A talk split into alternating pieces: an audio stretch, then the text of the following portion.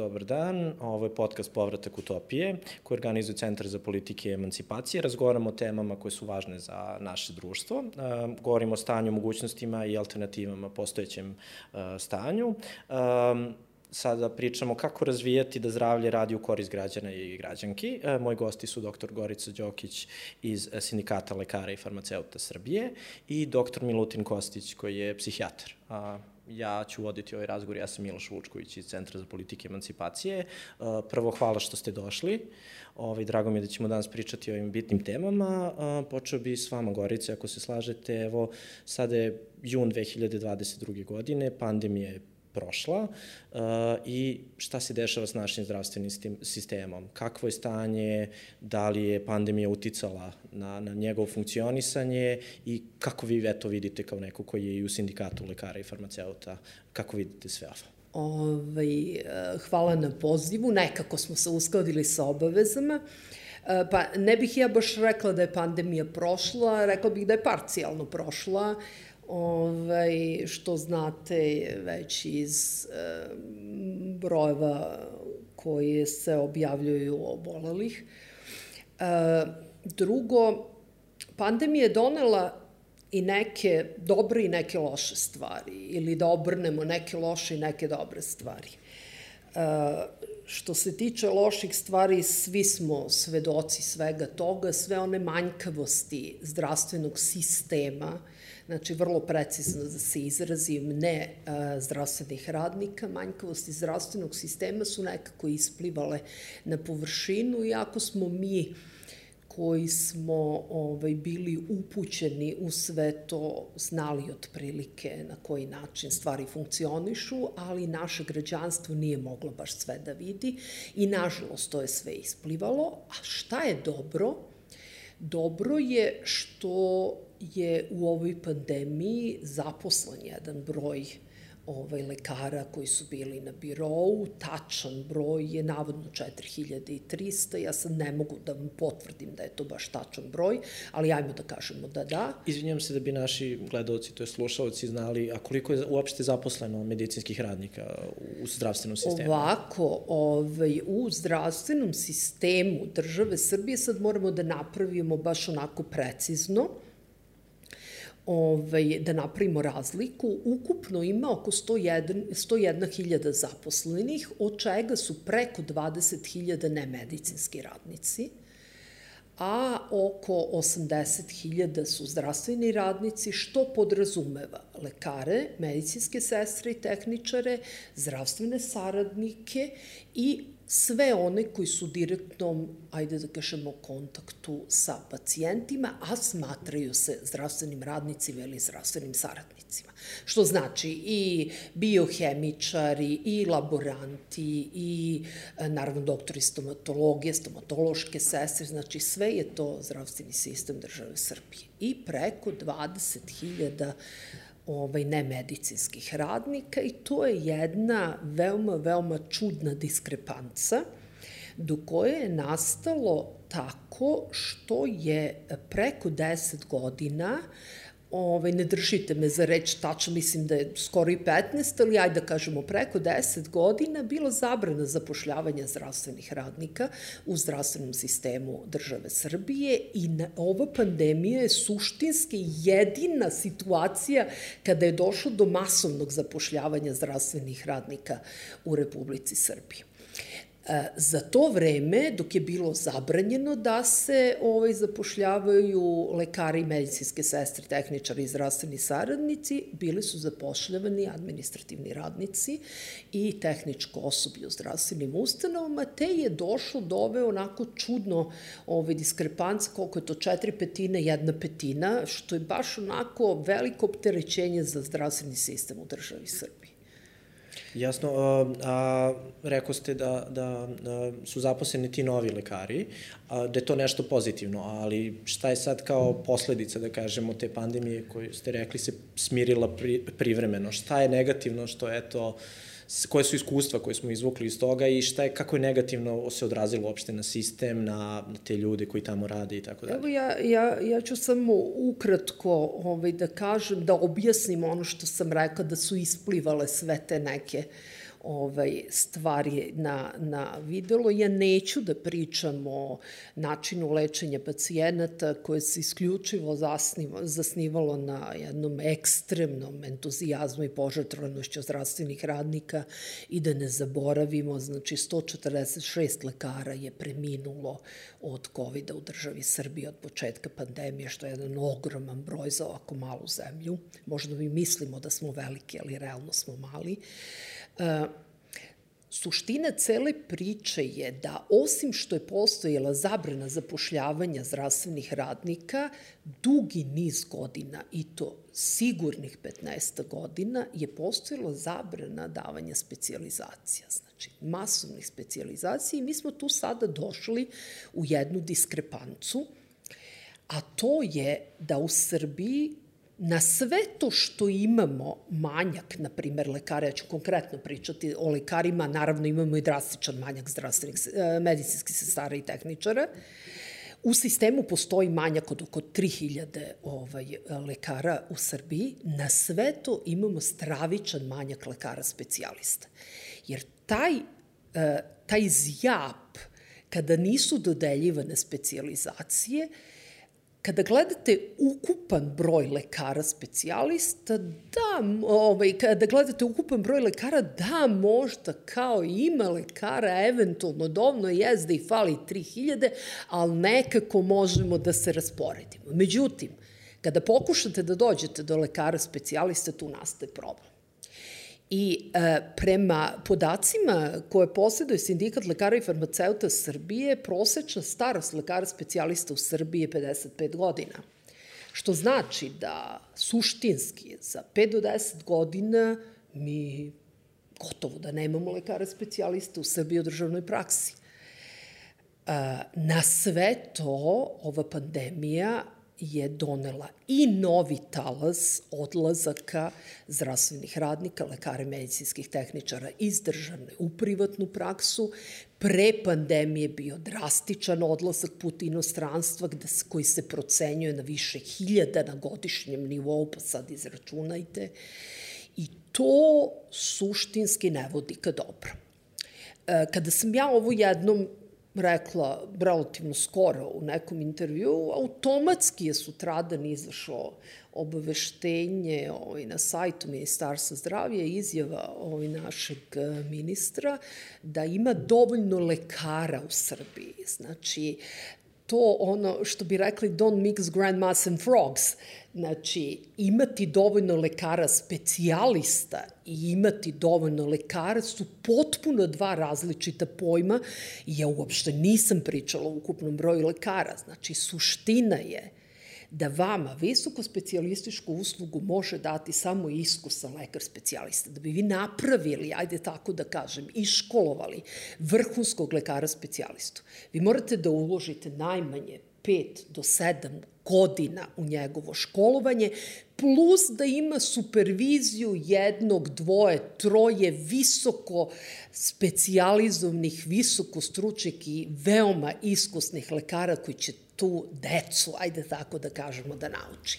Izvinjam se, znači, e, ta specializacija zapravo dok je na radnom mestu, e, zapravo se usavršava, kako bih rekao, uz, uz pomoć nekog mentora koji je stručan u toj oblasti ili kako to funkcioniše. Znači, to nije klasično obrazovanje na fakultetu, oni se postaju klasične... Ne, niste u pravu, ne, niste u pravu. Dobro. Znači, postoji dva vida, ajde kako da kažem, načina da se dobije specializacija u sadašnjem momentu u Srbiji.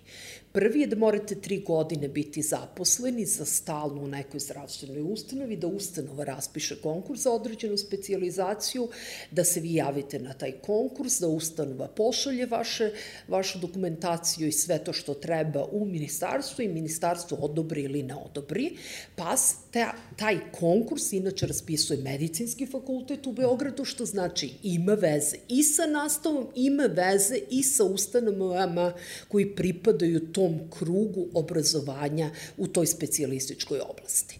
E sada, postoji druga kategorija, a to su takozvane volonterske specijalizacije, gde vi sami sebi finansirate školovanje, pri čemu sve vreme radite, to je bukvalno jedan klasičan, onako ja to volim da kažem, ali nemojte me uzeti kao zvaničnu informaciju, ali bukvalno kao jedan robovlasnički odnos, znači imate apsolutno sve obaveze kao i sve ko je zaposlena, nemate nikakva prava, sami sebi plaćate školovanje koje uopšte nije jeftino i pitanje je šta će se desiti posle i te specializacije takođe odobrao Ministarstvo zdravlja. Mm -hmm, znači, znači imate specijal, vezano, znači, i za medicinski fakultet u Beogradu, mislim, konkretno pričam za Beograd, medicinski fakultet, a imate i vezano za ustanove. Jasno, jasno. Znači, uh, U svakom slučaju, kako vi vidite da utiče u stvari, da li je država izmenila, to je Ministarstvo zdravlja, pogled u, u, u principu u vezi tih specializacija i deficitarnih tih specializacija ili pandemija uopšte nije uticala na to da se na neki način taj deo, taj deo je e, trenutno dosta, ja sam jedna vrlo realna osoba, taj deo je dosta dobro urađen za razliku od pređašnjeg perioda. Da li je to posledica toga što su što je bilo primorano, ali je donekle liberalnije uh, odobravanje specializacija prema zahtevima ustanova, ali opet to ne može da se nadoknati onaj sjab koji je postojao veoma, veoma dugi vremenski period. Uh, to će najbolje primetiti naši građani kad probaju da dobiju neku specijalističku uslugu. Znači, čekat će, neće čekati zato što lekara mrzi da ih primi čekat će zato što sistem nije baš sjajno organizovan. Jasno, jasno. Vratit ćemo se posle na to. Ja bih i da se ne dovedim. Naravno, slobodno. Mislim da i tu možemo se dotaknemo, jer uh, ovoga dela privatne i državne prakse. I nekako mislim da je strašno važno da se naglasi uh, taj deo gde negde uh, d, uh, život je po prirodi nepravedan I mislim, na kraj dana svi se rodimo u različitim povodicama, sa različitim nekakvim mogućnostima i tako dalje. Ali jedna od uloga države koju može da ima, dobra država po mom nekom, da kažem, ideološkom ubeđenju, jeste da proba da te neke razlike sa početka u određenoj meri smanji. I dve, dva aspekta gde te stvari mogu da se smanje, te ogromne razlike, kažem, koje mi posto s kojima se rodimo, jesu zdravstvo i obrazovanje. Dakle, u tim aspektima uh, ako vi dobijete, ako svi dobijemo dobro zdravstvo i ako svi dobijemo dobro obrazovanje, svi, imamo šansu da stvorimo koliko toliko veću meritokratiju nego što inače sistemi nude. Jer ako ja, na primer, mogu da budem mnogo jedan briljantan dečko i neki prosječan dečko, ali onaj prosječan će, ako su mu roditelji iz nekih imaju dobre konekcije, imati mnogo veću šansu da se probije dalje nego onaj briljantni. I to su stvari koje nažalost, utiču na živote. E, da li kroz bolje obrazovanje, da li kroz veću šansu da dobije posao i bilo šta. Isto tako i sa zdravstvom. Ako ja, na primer, ne, imam astmu i neko drugi ima astmu, ali ja možda nemam pa da kupim pumpicu ili teže dolazim do lekara i teže, onda se teže snalazim na poslu, možda mi je teže da učim i bilo šta, dok onaj drugi koji ima te mogućnosti ima veću pismu. S te strane, javno zdravstvo je od beskonačnog značaja za održavanje jednog meritokratije u društvu, u tome da svi možemo da izbijemo i da nešto napravimo od svojih života. Nažalost, sa određenim neoliberalnim tendencijama od, da kažemo, kraja 70-ih u zapadu i sve više i kod svih ovih drugih zemalja, i sa ulaskom tog privatnog sektora, koji sam po sebi nije loš, ali opet su to nekakve ideološke kretnje koje se događaju. Sve veći broj ljudi ide ka privatnom sektoru, je lakše, brže i tako dalje. Onaj deo koji ima novca. Onaj deo koji ima novca to da plati, to je deo koji ima i više utice u društvu. Onda prosto dolazi do jedne demotivisanosti i vladajuće klase i uopšte ljudi, što bi ja sada, i to čujemo često, čujemo od ovih, ne znam, ja, iz, relativno da kažem, IT industrije ili tako, što bi ja plaćao, zdravstvo kad ja jednako idem kod privatnog lekara. I onda se razbije i ta jedna solidarnost koju imamo i razumevanje da mi plaćamo za zdravlje sve nas. I onda to nešto što najizgled, ok, pa ako imaš pare više, možda da platiš više, dovodi do vrlo postepenog, vrlo perfidnog, sporog urušavanja tog sistema. Svi postoji demotivisani sve više, jer naravno ona najsiromašniji slojevi koji moraju od toga da zavise su na kraju dana najnebitniji, i to vidimo u svim kapitalističkim društvima, I to je uh, ogroman problem, jer uh, tu se ne radi, to možemo mi da konstatujemo i kao jedna vrsta ciljenog urušavanja, da bi, jer to je opet država štedi pare, bolje da uložimo manje u zdravstveni sistem, da što više ljudi onda ode u privatni, ide privreda, više se zarađuje, kako se zove ovde, manje troškovi, to je sve kratkoročno lepo, ali dugoročno stvara jedno sve lošije društvo i e, na kraju, da kažem, dok ne ostanu samo ko u Americi, oni ostaci za najsiromašnije slovi. to je nešto čega moramo biti svesni i moramo biti vrlo oprezni, da to nije ono, e, meni je sad okej, okay, ja mogu da platim privatnog lekara, već to ima daleko sežne uh, uh, utice. I to ovo što, što i kažete u jednom trenutku pre par godina u instituciji gde sam ja radio je 5 do 10 lekara u 40 otišlo u privatnu praksu. To je bio ogroman udarac za našu instituciju. Oni su ljudi išli za svojom srećom i za boljim uslovima i sve to okej. Okay. Ali ko pati? Pate upravo Pati oni pacijenti. koji pacijenti i to oni koji najmanje imaju, koji su najnebitniji, da kažemo, onima koji donose odluke. Tako da je to neko, onako, čini mi se, jedna bolna tema koja je mnogo važna, koja se često olako uzima, prosto to je realnost u kome živimo. Kapitalički sistem u kom naravno svi imamo pravo na privatnu praksu, ali a, za razliku od nekih drugih grana, a, zdravstvo i obrazovanje nude ogromne a, probleme ako se predaleko ode u tom pravcu, a ja se čak plašim da je nemoguće ne otići predaleko kad se već krene, jer je to prosto proces koji sam sebe hrani i koji ide dalje tako. Doli, dokle smo onda odmakli u tom procesu, jer kažete da smo već ušli u taj voz, je li tako?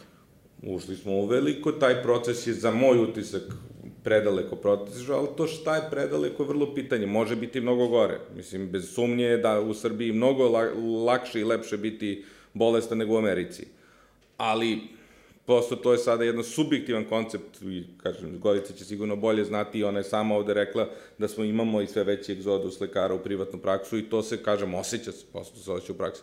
Šta je predaleko i koliko smo otišli, ne znam tačno ti kaže. Otišli smo, ako, ako mi dozvoljavate, ovaj, otišli smo do toga da je broj zaposlenih zdravstvenih radnika u privatnoj praksi trenutno veći nego u državnoj.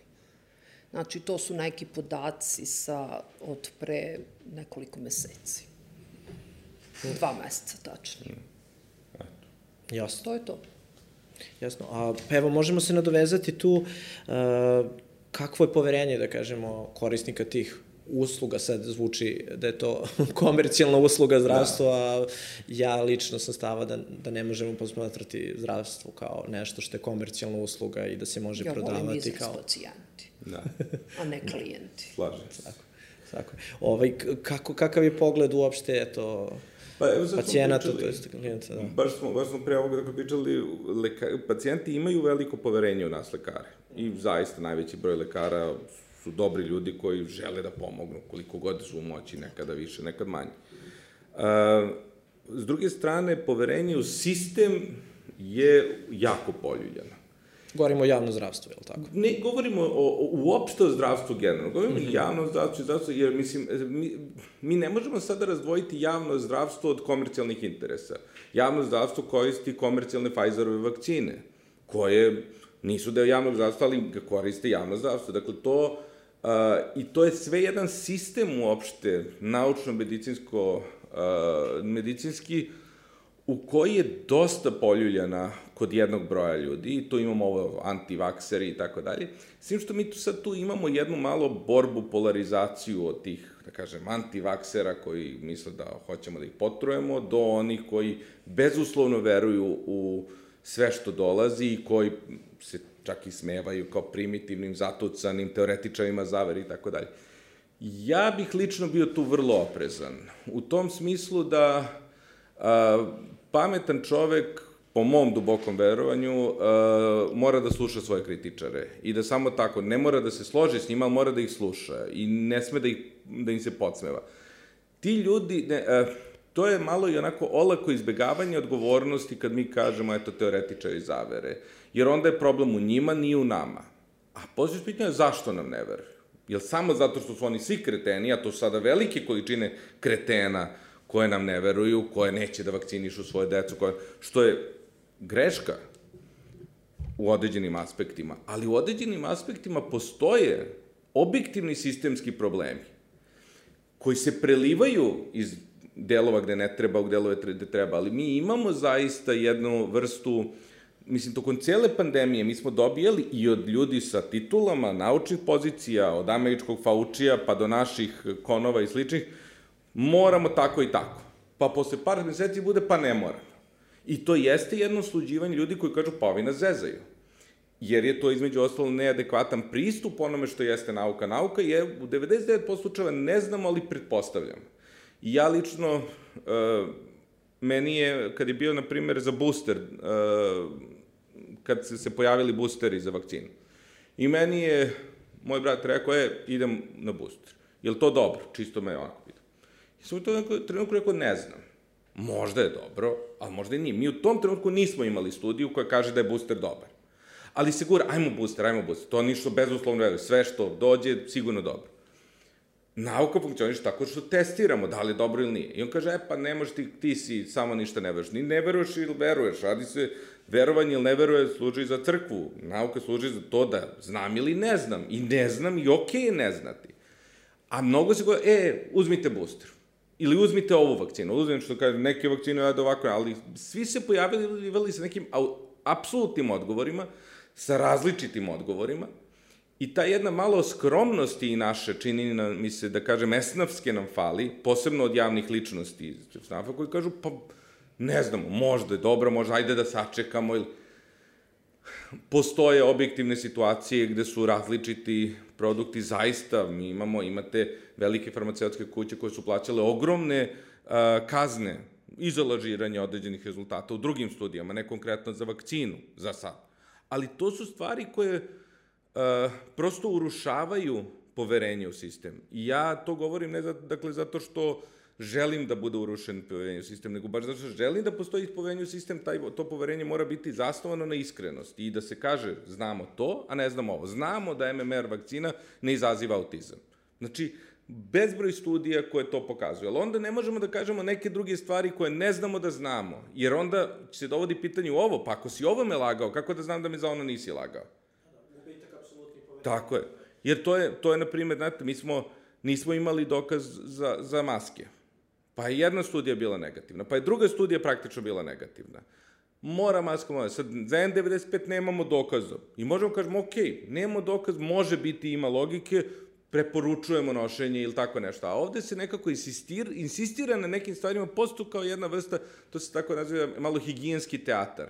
Što će određen ljudi, boj ljudi vrlo da prihvati da leči svoju anksioznost, ali određen ljudi ćemo da odbijemo, pošto će oni kažu, pa čekaj, ovo nema logike. Video sam, ne znam, evo, ovaj nosio stalno masku pa se razbolao, mislim, što nije opet anegdotski primjer i ne znači dovoljno. Ali u okviru tog obrazovanja na, populacije uopšte, mislim da je strašno važna iskrenost, a iskrenost zahteva i da kažemo mnogo, mnogo puta ne znamo, ja lično mislim da je to mnogo više fair i mnogo bolje za sve nas. Malo ćemo izgubiti tu auru sveznajućih kod jednog malog broja, ali mislim da na širem planu možemo mnogo da dobijemo. Da, pa Baš sam hteo da pitam Goricu, uh, da li možemo tu smatrati državu odgovornom koja nam je samo ukazivala na da, neki autoritaran način šta da se radi i šta da se ne radi bez ikakve mogućnosti da postoji neka kritika i dovođenje u pitanje i da imamo situaciju od šopinga u Milanu do već znamo gde smo, šta smo. Da. I svega ostalog, ovaj, uh, E, ja inače nisam pristalica tog nekog apsolutizma ni u mišljenju ni u, ni u radu. Ovaj, tako da, uh, hajte da nekako ovaj, sada iznesem moj lični stav na, na, na, na ovo pitanje, vezano za ovo pitanje. Uh, ja sam bila uverena da upravo zbog ovakvih, to je za mene recimo neospilno ako neko izađe i kaže nešto eksplicitno da bi posle dva dana rekao nisam to rekao, to je za mene neozbiljno i ja takvoj osobi ne mogu nikada više da verujem jer je ta osoba za mene neozbiljna. Nije neozbiljna ona osoba koja će vam sad pričati vic i posle dva minuta pričati veoma ozbiljne stvari, to je osoba koja pokušava da napravi uvod.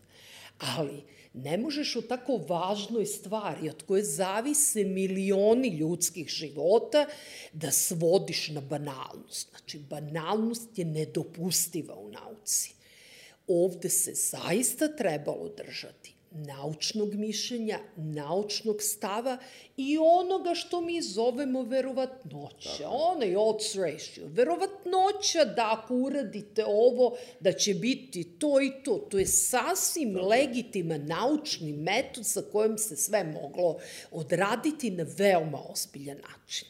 Problem je nastao, izvini, problem je nastao u tome što kada jedan paket ljudi na vlasti, ne govorim samo, uopšte ne govorim samo o našoj zemlji, to je bilo mm. poprilično preslikano u većini zemalja u svetu, ajde da kažem odgovorno za, za Znači nismo posebni ne, da se ne, nešto ne. dešava Nimalo mimo sveta. Nimalo nismo posebni. Kada ti pokušaš da ostavljaš uh, onako utisak da sve znaš, sve umeš, sve možeš da rešiš, ti onda sve moraš da kažeš sa 100% sigurnošću, čak i ono što znaš sa 5%. Ili uopšte ne znaš. I to da. poprilično nije dobro.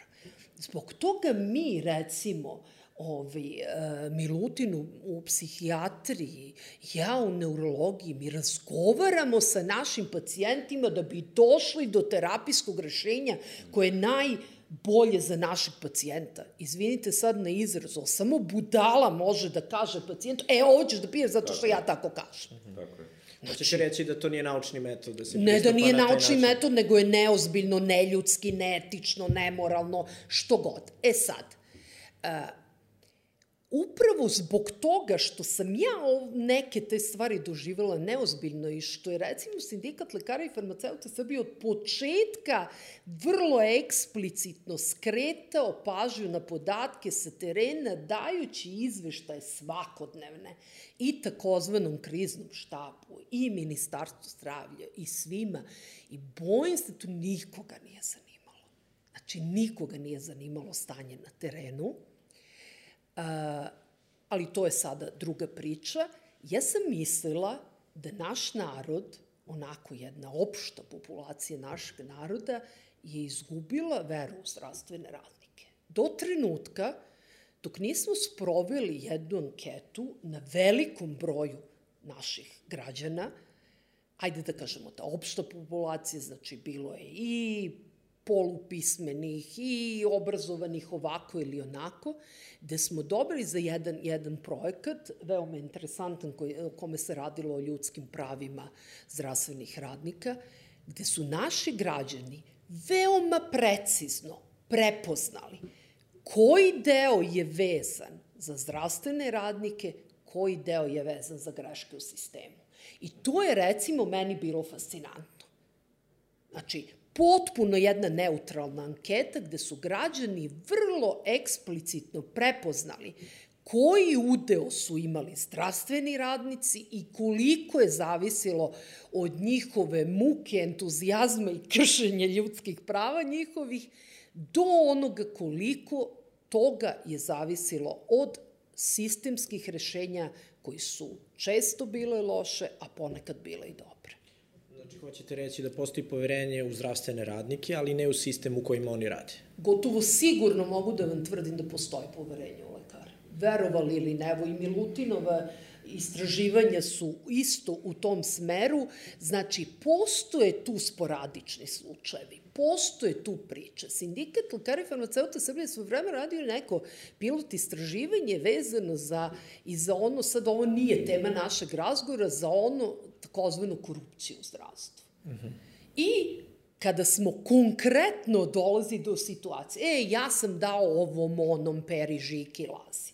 Dobro, šta si dao, kome si dao, kako si dao, kako, sve? A, pa nisam dao ja, dao je peražika ili laza. Aha. Znači, kada se konkretno suoči osoba sa tim šta je rekao u određenom momentu, da je uradio, ispostavi se da nije uradio, nego je to čuo. I kada vi tu sve sažmete, vi dođete do nekih ispod 5%, što ne može da se odnosi na sve zdravstvene radnike. Ja verujem da je taj procenat, ako ne i veći, u drugim državnim službama, u, pod banalnih stvari do nekih najvećih ovaj, najvećih pozicija u društvu. S tim što mislim da postoje velike diskrepancije između grana medicine. Naravno, I bravo, tu imamo da, velike da, probleme velike u određenim da, tako je. granama gde je ona zaista mnogo intenzivnija i određenih gde gotovo ne postoji. Ne postoji. A koje su to, evo, recimo, naši gledalci? Pa, ja opet ne mogu da govorim, bilo bi neozbiljno da govorim, e, da kažem konkretno, zato što je opet ovo na nivou šta čuje, šta ne. Ali da. se uglavnom radi u onim situacijama gde su urgentna ili relativno urgentna stanje, gde su a, ljudi, da kažem, ne pitaju za cenu. To što kažu pitanje života i smrti. Ta, uglavnom, ili tako je, u tom nekom Banalno smislu. sam se izrazio, ali... Ali, kažem, tu postoji jedna kultura koja se razvije. Drugo ima, kažem, eto, mislim, um, ja moram da kažem, meni je za 15 godina, ako se ne varam, tri puta su mi nudili pare to nije, mislim, između ostalog, ja naravno nisam tražio, ali da su mi sami krenuli da mi daju, gde ja odbijem, gde se, po vam kažem, dešavalo to od tih troje da su se neki malo i onako zbunili ili čak naljutili što ne, neću da uzmu njih pare. A, uvredili, da. Ali to nije, to nije između ostalog, ja mislim da je to između ostalog upravo zato što je psihijatrija, nažalost, grana koja se često bavi najsiromašnijim slojevima društva, pa ni nemaju ljudi da nam daju, hteli, ne hteli. Uh, dok ima drugih mesta gde mnogo više ima tog, da kažem, dela gde može da se... S tim što i to verujem da će vremenom biti manje upravo zbog privatne prakse, što može biti deo, da kažem, tog, da će u privatnoj praksi ljudi prosto idu koji imaju para da daju, ali nažalost još uvek imamo neke, da kažem, posebno nekakve intervencije i tako dalje, koje su tehnološki najzahtevnije, koje što još uvek rade samo u državnoj službi i tu treba biti oprezan ali zato pacijenti u psihijatriji uh, umeju tako lepo i tako emotivno da kažu hvala da ti je puno srce, da, da ti stvarno ništa dugo ne treba. Pa onda nađeš način kako platiš račune. Ali odno hvala da. te greje. A moram da, da se isto nadovežem na ovu priču. Da, i mi smo dobili istraživanje da nam jako puno veruju lekari, ali uh, mi ne treba ni samo da prihvatimo, veruj sada ja izigam malo djavoljeg advokata, veruj nam kao dobro, nego uh, ljudi mogu da veruju i nekome ko ne zaslužuje poverenje. Tako je. I upravo je to ovo što, što ste rekli, kako da komuniciramo. Vi, ti sigurno znaš uh, lekare koji, ti to si rekla sigurno zato, upravo zato što znaš lekare koji kažu uzmi to, to tebi treba. Tako je. Što je, da kažem, jedan uh, loš način. I to ono opet... I davno prevazićen da, način. Jer to je upravo mod... Mi moramo da shvatimo, ja ni jednom jedinom pacijentu ne znam da li će pomoći lek koji mu daje. Ili bilo koja druga intervencija. Cijelokupna medicina, ne, po, ne postoji ta egzaktnost. Ona se bazira na velikim brojkama i verovatnoća. Dakle, a, rađena je studija hiljadu pa, pacijenata, 500 je dobili lek, 500 nije. I sa većom verovatnoćom, sa 5, 10, 15, 20%, zavisi koliko je dobio lek, su oni koji su dobili lek imali veću šansu da im bude dobro nego oni koji nisu dobili lek. Ali ogroman broj oni koji nisu dobili lek su bili bolje, ogroman broj oni koji su dobili lek nisu bili bolje. To je dakle sve na nivou verovatnoće. I to je upravo ovo čemu mi moramo pričati. Moramo da objasnimo te verovatnoće, a, i da onda, što kaže Gorica, uključimo to za shared decision making, uključivanje pacijenta Tako u zajedničko donošenje odluke, šta je to što su i njegovi prioriteti ili njeni u životu, u, u rizici od neželjenih efekata ili verovatnoća uspeha terapije i tako dalje.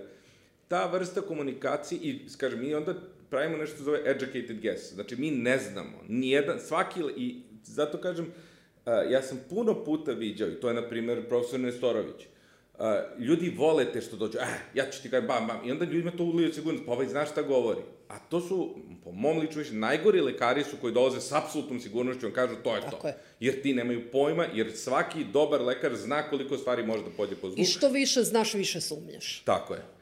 E, i onda ljudi to vole i veruju često takvim lekarima, kao što vidimo, mnogi veruju Nestoroviću, ali on to poverenje apsolutno ne zaslužuje, priča razno razne gluposti, ali on ih priča tako da dobije poverenje ljudi. Zato je strašno važna ta edukacija ljudi da razumeju šta je medicina i da je ta nesigurnost u stvari plod znanja, a ne, ne neznanja. Tako je, da, a, tako je. Nije li sad u ovom dobu u kojem živimo i gde smo i pomenuli te koji su skeptični ka, ka vakcinama, gde svi žele neko prosto rešenje, da je sve quick fix i zato, je, zato možda i oni traže i Nestorovi zapravo isporučuje na neki način to što oni žele, to je lako rešenje njihovih problema kao i, evo, ja sam puno, recimo, možda i previše čitao komentare u vezi vakcina kad su bili, dok je trajala pandemija, kad je bilo najgore, gde zapravo su najviše bilo komentara, pa vidite, neko je vakcinisan, a razboleo se, jer ljudima ne može se objasniti da vakcina ne štiti 100 od 100 Tako od, Tako od, od, od zaražavanja. Kao što ne da postoji da ni jedan lek na ovome svetu koji ima efikasnost 100%. Znači, da bi, da bi objasnili i ovo što je Milutin rekao, ovaj, e, moramo da kažemo ljudima da u postupku, recimo, registracije nekog leka, da bi se lek registrovao, on mora da bude mnogo bolji od placeba da bi bio registrovan, a placebo znači ništa. A, I tu bih mogao malo da se ne složim mislim, je, to jeste jedan od problema modernog društva. Čini jeste, mi se i, ali i ajde da kažemo, ovo je uprošćena to je akademska upro, diskusija. Tako bi trebalo jeste. da bude. Jeste. I upravo jedan od problema koji dolaze sve više u nepoverenje jeste što je to sve manje poštuje. I postoje jasni podaci u Americi koje, da kažem, još uvek neki naučni, medicinski, da kažem, svetioni koji se prati jako mislim da to sve pogrešnije, jer su oni sve zaista duboko zaglibili u jedan neoliberalno kapitalistički uh, pakao gde je samo ono daj i prodaj, a, se, pa evo imamo primer novog leka za Alzheimer. Tako je. 11 uh, savjetnika FDA, Američke regulatorne agencije za lekove, od njih 11, 10 je bilo protiv, jedan je bio uzdržan, oni su svejedno prihvatili lek koji praktično nema nikakvu kliničku efikasnost, ima ozbiljene neželjne efekte. Zašto? Zato što je udruženje uh, uh, pacijenata sa Alzheimerom, što naravno ne vode pacijent nego njihove porodice, je insistiralo da bi im dalo nadu, jer ima neke uh, substrate Alzheimera na koje utiče, koji klinički se ne prikazuje kao neko poboljšanje. A i nemaju neke baš velike logike. I nemaju da. logike, a drugo, ko finansira to udruženje, ista ta kompanija koja pravi taj lek. I onda imamo, jer to su... E, I tu to smo su, mi malo u prednosti verovali ili ne. Da. Naš ALIMS ima vrlo stroge regulative i Evropska unija, agencija mm. EMA, ima vrlo stroge regulative koji su vrlo precizne i čak mnogo preciznije nego što U odnosu na Ameriku svi imaju prednost, jer su oni je. zaista, to je horor sada, šta se tamo dešava. Ali to jesu problemi koji postoje yes. i sve ih više ima. A, I tu idemo isto sad s te strane, imamo s jedne strane kod jednog broja ljudi nepoverenje, ali kod drugog boja ljudi imamo ideju da medicina iz svog zlatnog doba, 50. 60. 70. gde smo imali od transplantacija do antibiotika, hilj nekih stvari koje stvarno ogromne napetke učinilo, mi imamo jednu stagnaciju medicinsku od 80-ih i to ljudi ne znaju, jer je mnogo toga što se uvodi šminka, nekako malo bolje, 3%, 1%, ali sa dodatnim neželjenim efektima i tako dalje, A, I vi imate onda u stvari, kako se zove, jednu, uh, jedan osjećaj da sad medicina stalno napreduje i da je ono novo uvek bolje. Evo, zna, zna i Gorica, psihijatrijski lekovi iz 60-ih su jednako efikasni kao najnoviji lekovi. Samo je različit profil neželjnih efekata i tako dalje. A, stalni osjećaj sve može više, bolje, medicina sve, svi ćemo mi da živimo valjda beskonačno uh, jednog dana kada, a u stvari negde postoji stagnacija i onda to uverenje, što je suprotna strana onoga nepoverenja, jeste u stvari da, da se dovodi do preteranog uh, lečenja određenih stanja i to ono što mene, da kažem, istraživački interesuje što je važno i što je opet druga, druga krajnost u kojoj čak i oni koji imaju novac, koji bolje prolaze zbog toga šta to im je pristup privatnoj praksi i tako dalje, mogu da bude žrtve toga. Jer opet se dovode, ok, pa ajde da snimimo ovo, ajde da snimimo ono, ajde da probamo, što da ne. I, I svako neke pare dobije iz toga, izvlači iz toga neke, a mi uvek mislimo, pa što više to bolje, ne može da bude loše ako ja sad proverim nešto. A može da bude loše, i to je koncept overtreatmenta, preteranog lečenja, a, u kojem i preteranog diagnostikovanja, u kojem mi nalazimo često be, beznačajne stvari, koje... A, ne... Ekstremno podhranjuju hipohondriju. Tako je, to je, to je tek, je, je, to, to se uživa u tome određen broj ljudi, ali na svoju štetu. Tako je. I onda upravo, upravo taj sistem može da čini i mnogo više štete nego koristi, čak i onima koji imaju novac koji onda će da ulaze u besomučna testiranja koje im ni za šta u stvari ne trebaju. A, I tu isto moramo strašno, strašno biti oprezni kažem opet i te sistem želi da vam da lek, se na njemu neko zaradi, sistem želi da uđete u neku terapiju zato što od nje ima koristi. Nema koristi od zdravog čoveka. I prosto to je ideološko pitanje u kome treba, ja, ne, ja nemam tačno rešenje, ja ne govorim sad mi treba da uradimo ovo ili ono, i svi mi možemo u to da upadnemo, ni, ja sam i bio deo takvih nekakvih odluka, često pogrešnih, postoji sam u njima, kad uđete i neko kaže imaš ovo, mi možemo, možemo uh, vrlo da, da, da, da zaglavimo. Ali moramo biti svesni toga, ne postoji stalno sve više medicine koje će nas izlečiti. Postoje limiti i da ih prihvatimo, stvari koje ne znamo, da prihvatimo i onda to je neka, tom nekom balansu da nađemo rešenje, a to je užasno teško. Na isti način kao što moramo da prihvatimo sobstvenu prolaznost. Možemo mi da budemo i vrlo mladoliki, strašno lepi, super zgodni, ali ćemo svi jednom da umremo. Isto tako moramo da prihvatimo da i medicina ima limite, ali i sva ona alternativna rešenja imaju još veće limite. Tako je.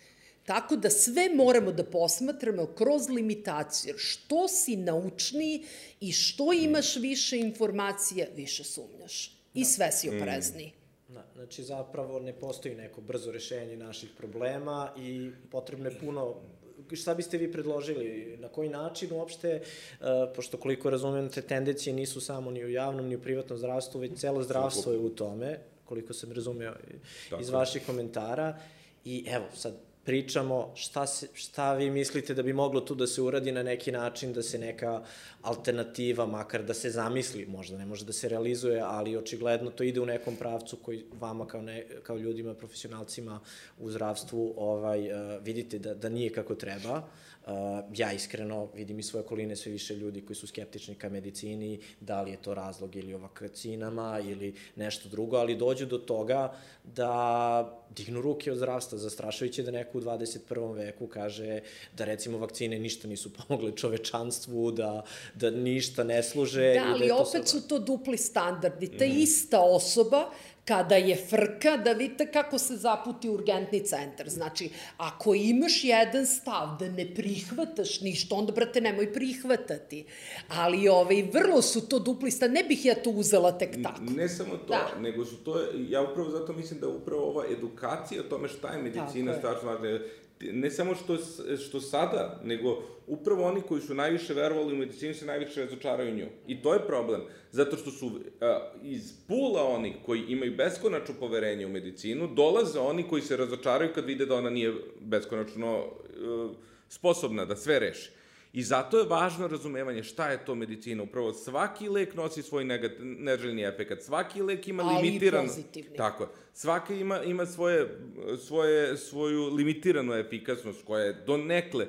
I to je okej. Okay. I mislim da će i nama lekarima biti lakši rad, jer kažem, i mi smo nekada dođe pacijent i kaže, e, doktor, je loše, mi treba lek, i sad ja kažem, pa nema lek za to, on kaže, pa ovaj kreten, ovaj nema pojma da radi, i ode kod drugog, koji će mu dati nešto i onda će on biti super jer mu je dao nešto, što će mu možda čak i štetiti zdravlju, jer... Kad, ili ga navući. Ili ga navući, što imamo problem sa benzodiazepinima, strašan problem, nacionalni problem s benzodiazepinima, gde imamo gomile ljudi, meni sva, ali bukvalno svaki... Izvinjam ste, bensedin? Između to... Cela grupa, da. cela grupa, cela grupa takozvanih anksiolitika, da. jasno. Mm -hmm. Dakle, ja svake nedelje, ali bukvalno svake nedelje imam jedno, jednog pacijenta ili pacijentkinju kojima saopštavam da imaju zavisnost, da.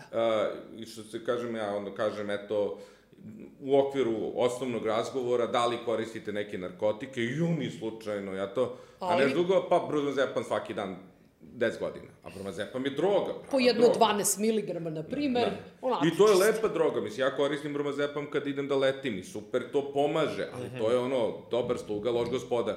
A zato što nema dovoljne edukacije ljudi, postaje gospodar ogromnom broju ljudi koji posto se navuku i misle pa ovo je lek, ovo je zdravo, ovo je dobro, ne može da mi šteti lek. A granica između leka i droge je akademska. Marihuana je nekad bila droga sad na nekim mestima postaje lek, heroin je bio lek, sad je droga, mi tu uvek pravimo balans između te koristi i štete. Kokain je bio anestetik, Kokain, sad je, tako jeste. Tako je. Tako. Dakle, to je, to je taj balans, ali taj balans moraju ljudi da razumeju. Mora bolja edukacija. To je ili smo, a kažem, postoje i kolegi koji vole da gaje tu omnipotentnost našu. Mi znam, mi ćemo sad da vam kažemo. Kažem, to je meni Nestorović je onako slan slika i prilikom. O svemu sve zna. I on automatski će vam ga daje odgovor. I, sad vi... I sve leči. Sve leči i sve. I to je, i onda ljudi to vole, a prosto nije realno. A i nije li gledanje zapravo da je ljudsko telo i čovek kao da je mašina i da se to može lako pokvario ti se točak, ja znam kako se točak da, menja, da, da. a ljudsko telo ja, ja sam, Ja sam lično ovaj, pristalica personalizovane medicine. I gledam tako ceo život da, da postupam. I e, suštinski, šta to znači? da diagnostičko sredstvo služi da bi potvrdilo ili odbacilo ono do čega sam ja došla slušanjem i pregledanjem pacijenta. Da lek ili terapijsko sredstvo služi da bih ja pomogla pacijentu u onom opsegu i u onoj dužini trajanja dokle je to pomoć i onda postepeno skidala kada prestane da bude pomoć i kada je na osnovu e, načina nastanka bolesti to odradilo posao. Što znači, ne možemo pacijenta posmatrati kroz diagnozu, mi moramo da gledamo onog čoveka koji sedi preko puta nas. Što znači, svaki od nas lekara mora da bude široko obrazovan, Jer ja, ako trebam da lečim vas, Miloše, ja ne mogu na vama da nacrtam crtu, e, ovaj ćošak ti je neurologija, ovaj drugi ti je mhm. psihijatrija, ovaj četvrti ti je kardiologija. Znači, kada, na primer, vaš problem ima jedan jedini uzrok nastanka. Znate, tako da moramo da gledamo čoveka koji sedi preko puta nas, ili leži, ili stoji, ili nije nebitno, I to je... To je I to je suština to, priče to je, i tako se i rešava taj... I tu postoji sad, imam dve asocijacije na to. Prva jeste, upravo ovo što kažeš, to zajedničko donošenje odluka koje si pominjala, je. to je jedan personalizovan medicina. Na primjer, ja imam dva pacijenta koji imaju antidepresive i oba, na primjer, imaju neželjeni efekt impotencije. I sad jedan kaže, doktore, ne skide, meni je lepo, do, bolje se osjećam, samo mi je to važno, a drugi kaže, ja ne mogu da živim s ovim, skide lepo. Ne postoji tačan ili netačan tako odgovor. Mi slušamo i to su vrednosti i sistemi pacijenta su isto važni. Jasne. Dakle, za, za jednoga je to dobro, za drugoga nije. Nije uopšte to da ja sad, ja ne smem da ja unosim svoj vrednosti sistem, nego da čujem tako njega je. i da prihvatim njegov. A druga stvar jeste, opet bi se vratio tu na COVID, i to mi je onako isto jedan utisak da se tu u velikom broju sistema e, nedostajalo jednog holističkog pristupa upravo zdravlju u mnogim odlukama. Jer nije samo zdravlje infektivno zdravlje. Mi smo ostavili one, one ideje da penzioneri u tri noću izlaze, da prošetaju sat vremena, Skandalozno. što smo onda, mislim, jer, znate, kako je, šta je to za jednog penzionera koji, koji sa, sa 70 godina, na primjer, dva meseca ne, ne prošeta ni jednom? Znate kako su to ljudi Ili... teško podali? Katastrofa. To je strašno. Znači, slušati to, šta oni imaju da kažu i, i, i način na koji su to... Ja se sećam jedne ovaj, pacijentkinje koja je meni rekla, doktorka, ja stojim u ulazu, ne smem da izađe napolje, gledam frizerski salon u kome sam se svako jutro fenirala i ne smem da odem do njega. Moj život više ne vredi. I to je... To znači, tu jeste banalno, da. frizerski da. salon, ali nije banalno, nije, to je njoj znak, to je njen... To je život, to je život. Je, to je život. I postoje onda pitanja, mislim, ok, ako imam, imamo neku vrednost, ali kažem, sve to zdravlje, na kraju dana, mislim, tu su i krni sudovi, to je ko te mišiće ide tako da to su, mislim, i mi ćemo sigurno dobiti određene posledice određenih odluka niz uh, vreme. Drugo, deca, deca sad, vi imate po zapadnim zemljama, na primjer u Americi, ima značajan porast smrti od overdosa različitim, uh, od, ili od alkohola smrti, ili od droga, gde opet i jedno, i, i, i nažalost, rasti samoubistava i samopovređivanja, znači to je sve deo, to je sve medicina. Medicina nije samo da li imam COVID ili nemam, to je i kako mi radi srce, šta mi treba, srce mora da, svaki dan da šetam da bi radilo, moram da komuniciram s ljudima za svoje psihičko dobrostanje koje opet nosi hilj... taj holistički aspekt je užasno važan, a opet što kaže. Gorica, užasno težak, jer svi mi malo uđemo u tu jednu malu rupu i radimo Jest. jedan deo. Baš sam teo i to da pitam, izvinjam se. Ništa. A, kako je uticao COVID na stanje, da kažemo, psihološko, jer postoje, kako sam video u medijima, psihičko. da je povećano, da, izvinjam se, psihičko, jer su zapravo, da su i povećani stepeni i sam suicida i, i da, da, da, je, da je veoma, veoma... Da. Znači, sad imamo različite aspekte. Prvo, u Srbiji sad, evo, u institutu je baš uređeno istraživanje vezano za to i primećen je povećan određeni simptomatologija koja je opet vremenom krenula da pada. Jer postoji ogromna i rezilijentnost ljudi i tu opet imamo... A šta je rezilijentnost, izvinjam To je izdržljivost. Mm -hmm. Na, mi nekako, i to je opet u okviru ovoga, mi volimo da prikažemo ljude kao vrlo fragilne, koji sada odmah nam svima treba pomoći, malo tu imamo, ja lično mislim da ima i preteranog diagnostikovanja depresije kod ljudi koji su prosto tužni, nezadovoljni i ti rizici od uh, toga isto, isto su problematični. Uh, ali generalno, uh, imamo nešto, posebno u zapadnim zemljama, imamo kod mladih, kod adolescenata i mladih, imamo sve više suicida i samopovređivanja, ali to već traje 10 godina. To nije isključivo vezano I za COVID. Nas. I kod, I nas, i kod tako nas, je, ovo, ovo imamo konkretne doga, a po onome što znam, apsolutno i kod nas. Just, just. To je generalno sa modernim društvima, šta je u pitanju, ne zna se. I drastičan porast vršnjačkog nasilja, i drastičan porast nasilja prema starijim osobama, da ne pričam već o nasilju nad ženama, nad muškarcima, sve je to u drastičnom porastu. Da li je to sklop okolnosti? Da li je ovo sve što se radi u društvu jedan ja to volim da kažem, veliki niz namernih i nenamernih grešaka. Ja to zaista ne znam, ali puno toga se desilo. Puno, puno ima i to, kaže, svuda porasti koji, kažem, su uh, ubrzani u određeni meri, u određeni aspekti sa COVID-om i sa tim zatvaranjem, ali nisu unikatni, a kao sve je bilo super, pa sad ne znam se desilo. To traje već deseta godina, da li su to, to mogu biti društvene mreže, nove tehnologije, može biti, posto 2008. smo imali, imali krizu, sve veće siromaštvo, hiljadu, ja mislim, nesigurnost mladi generacije ko ulaze u jedan sistem gde sve manje ima, ima prilike uh, za jasnu viziju svoje budućnosti, mislim, ovo što kaže moja supruga, a, ona kad je završila fakultet, ovo čime se ona sada bavi nije postojalo.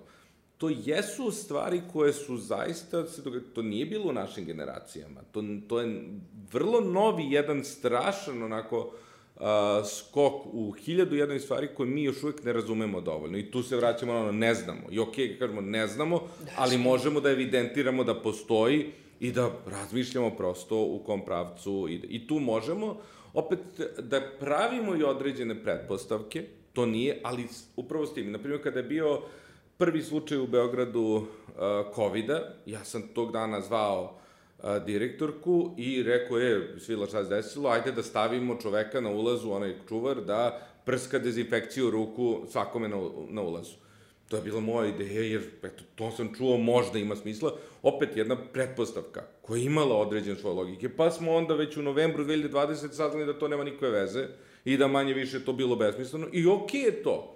Probamo i vidimo. Ne znamo, ali probamo i vidimo. E sada, ali moramo da znamo šta je problem pred nama i šta, čeg treba da vidimo. A kažem, postoji problem mladih, bez greške u celom zapadnom svetu, koji, mi smo deo tog zapadnog sveta u svakoj varijanti, kako god se mi koncipirali, granice istoka zapada, tehnološki, ono što naše mlade generacije, one su tu u deo globalnog sistema i ja lično se plašim u kom to pravcu ide, sve, sve čini mi se je gore, a ne vidim da se išta sistemski, što kaže Gorica, sistemski se ništa ne radi. Individualno ja radim sa jednim pacijentom, pa možda pomognem. Tako je.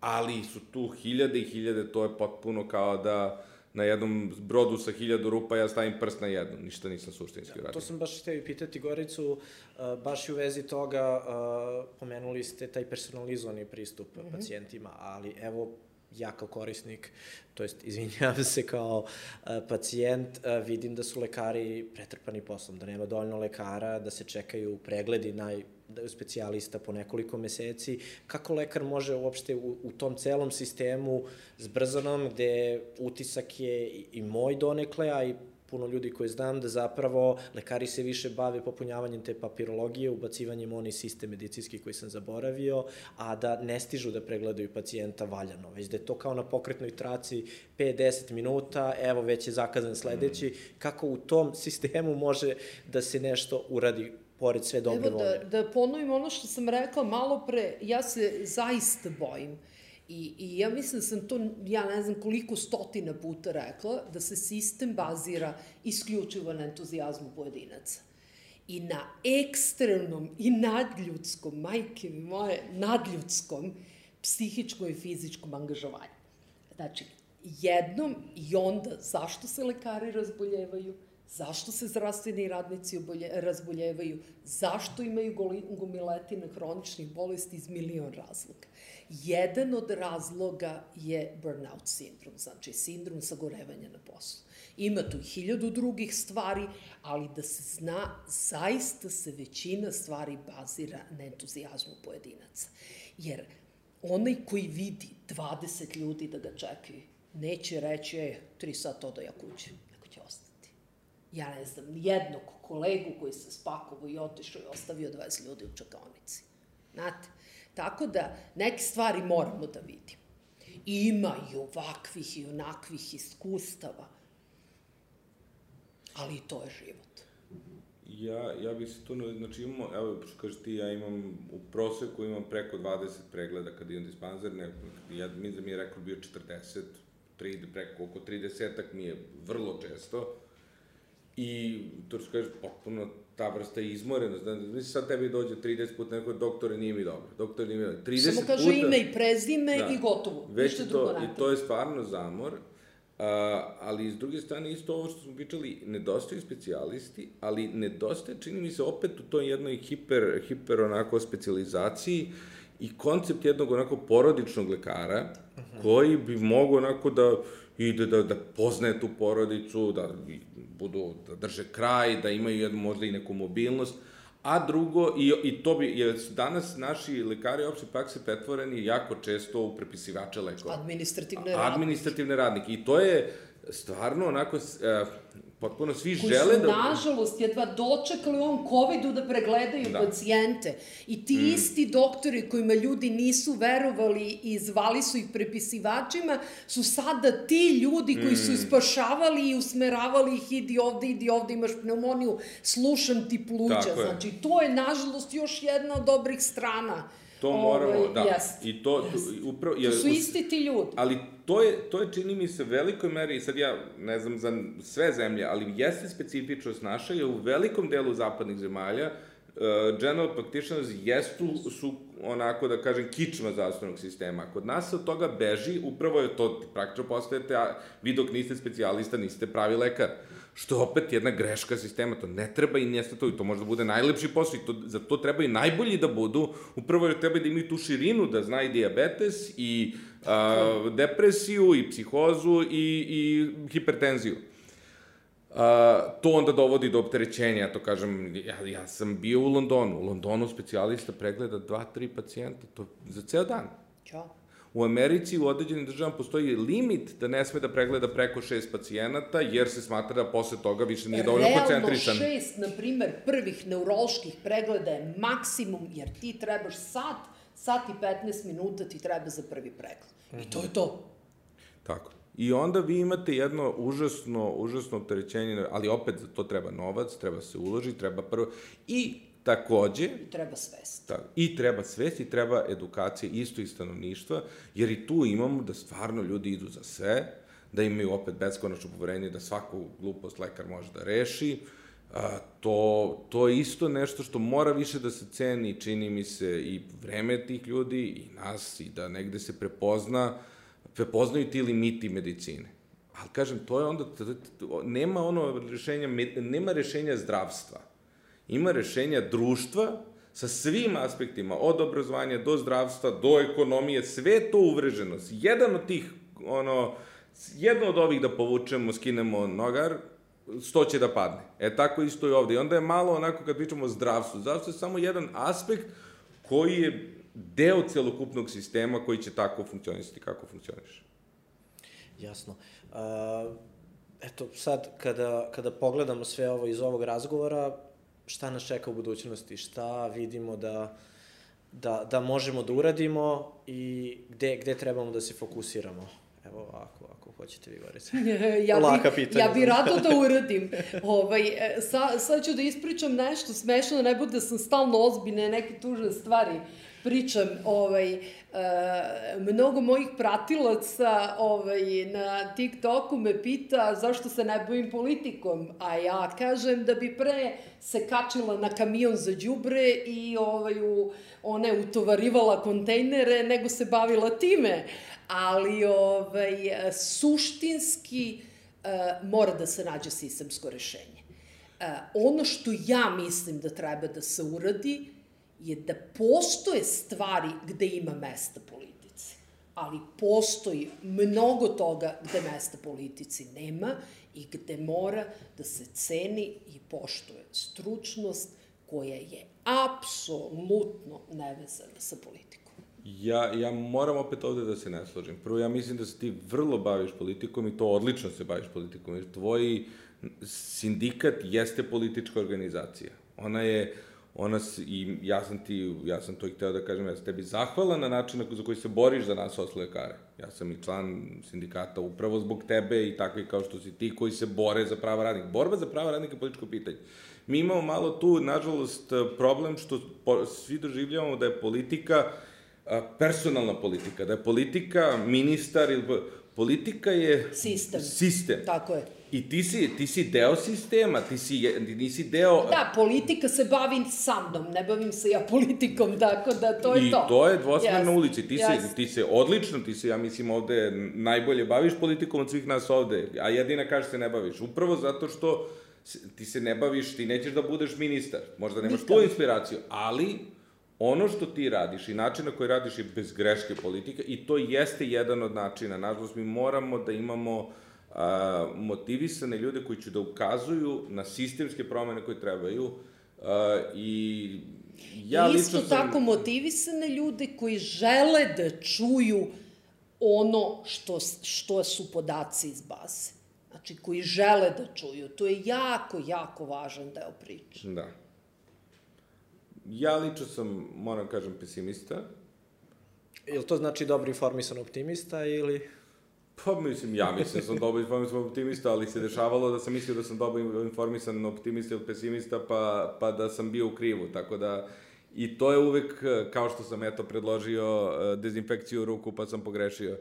Ovaj, um, pesimista sam zato što, um, kažem opet, zdravstvo je deo zajednice zajednica u modernom neoliberalnom društvu uh, se razbija i na taj način se razbija javno zdravstvo, razbija se poverenje u struku upravo zbog tih uh, težnji ka razvoju kapitala, ka, ka dobijanju kapitala od određenih grupacija i pojedinaca, čak i na uštrb integriteta nauke i medicine. Uh, I to su sistemi koji još uvek imaju ogromnu moć, i nisam siguran kada će izgubiti, ali onako lepo je boriti se protiv nepravde, čak i kad ćeš izgubiti. Uh, Ako humano. Humano, humano. tako Jer je borba sama borbi cilj. Možda 1% ima šansu i da pobedimo, uh, a možda uh, imamo šansu da napravimo jednu ciglu onako koja će održati, što se kaže, plamičak borbe za neke buduće generacije. Ja uvek onako, kada o tome pričam, mi pričamo o Kosovskom boju 1389. i o Prvom srpskom ustanku 1804. A između ima 300 plus 350 godina uh, nekakvog života, nekakvih patnji, nekakvog onako ljudi koji su posto živeli, koji su održavali neku ideju koja je opstala i trebalo je mnogo vremena. Ja, nažalost, mislim u ovom trenutku da je kapital mnogo jak, da su uh, težnje uh, i, i ideje užasno razvijene na najnegativniji mogući način i da će borba biti strašno teška, ali možda i grešim. I nadam se da grešim. I ono što je dobro da istorija, dobro, možda dobro, možda i loše, istorija malo brže ide u poslednje vreme, pa možda sve to što meni deluju da trebaju stotine godina možda se i reši za ipak mnogo manje. Hvala na gledanju i slušanju podcasta Povratak utopije koji je organizovao Centar za uh, politike emancipacije i hvala mojim gostima na ovom veoma bitnom razgovoru o zdravstvu.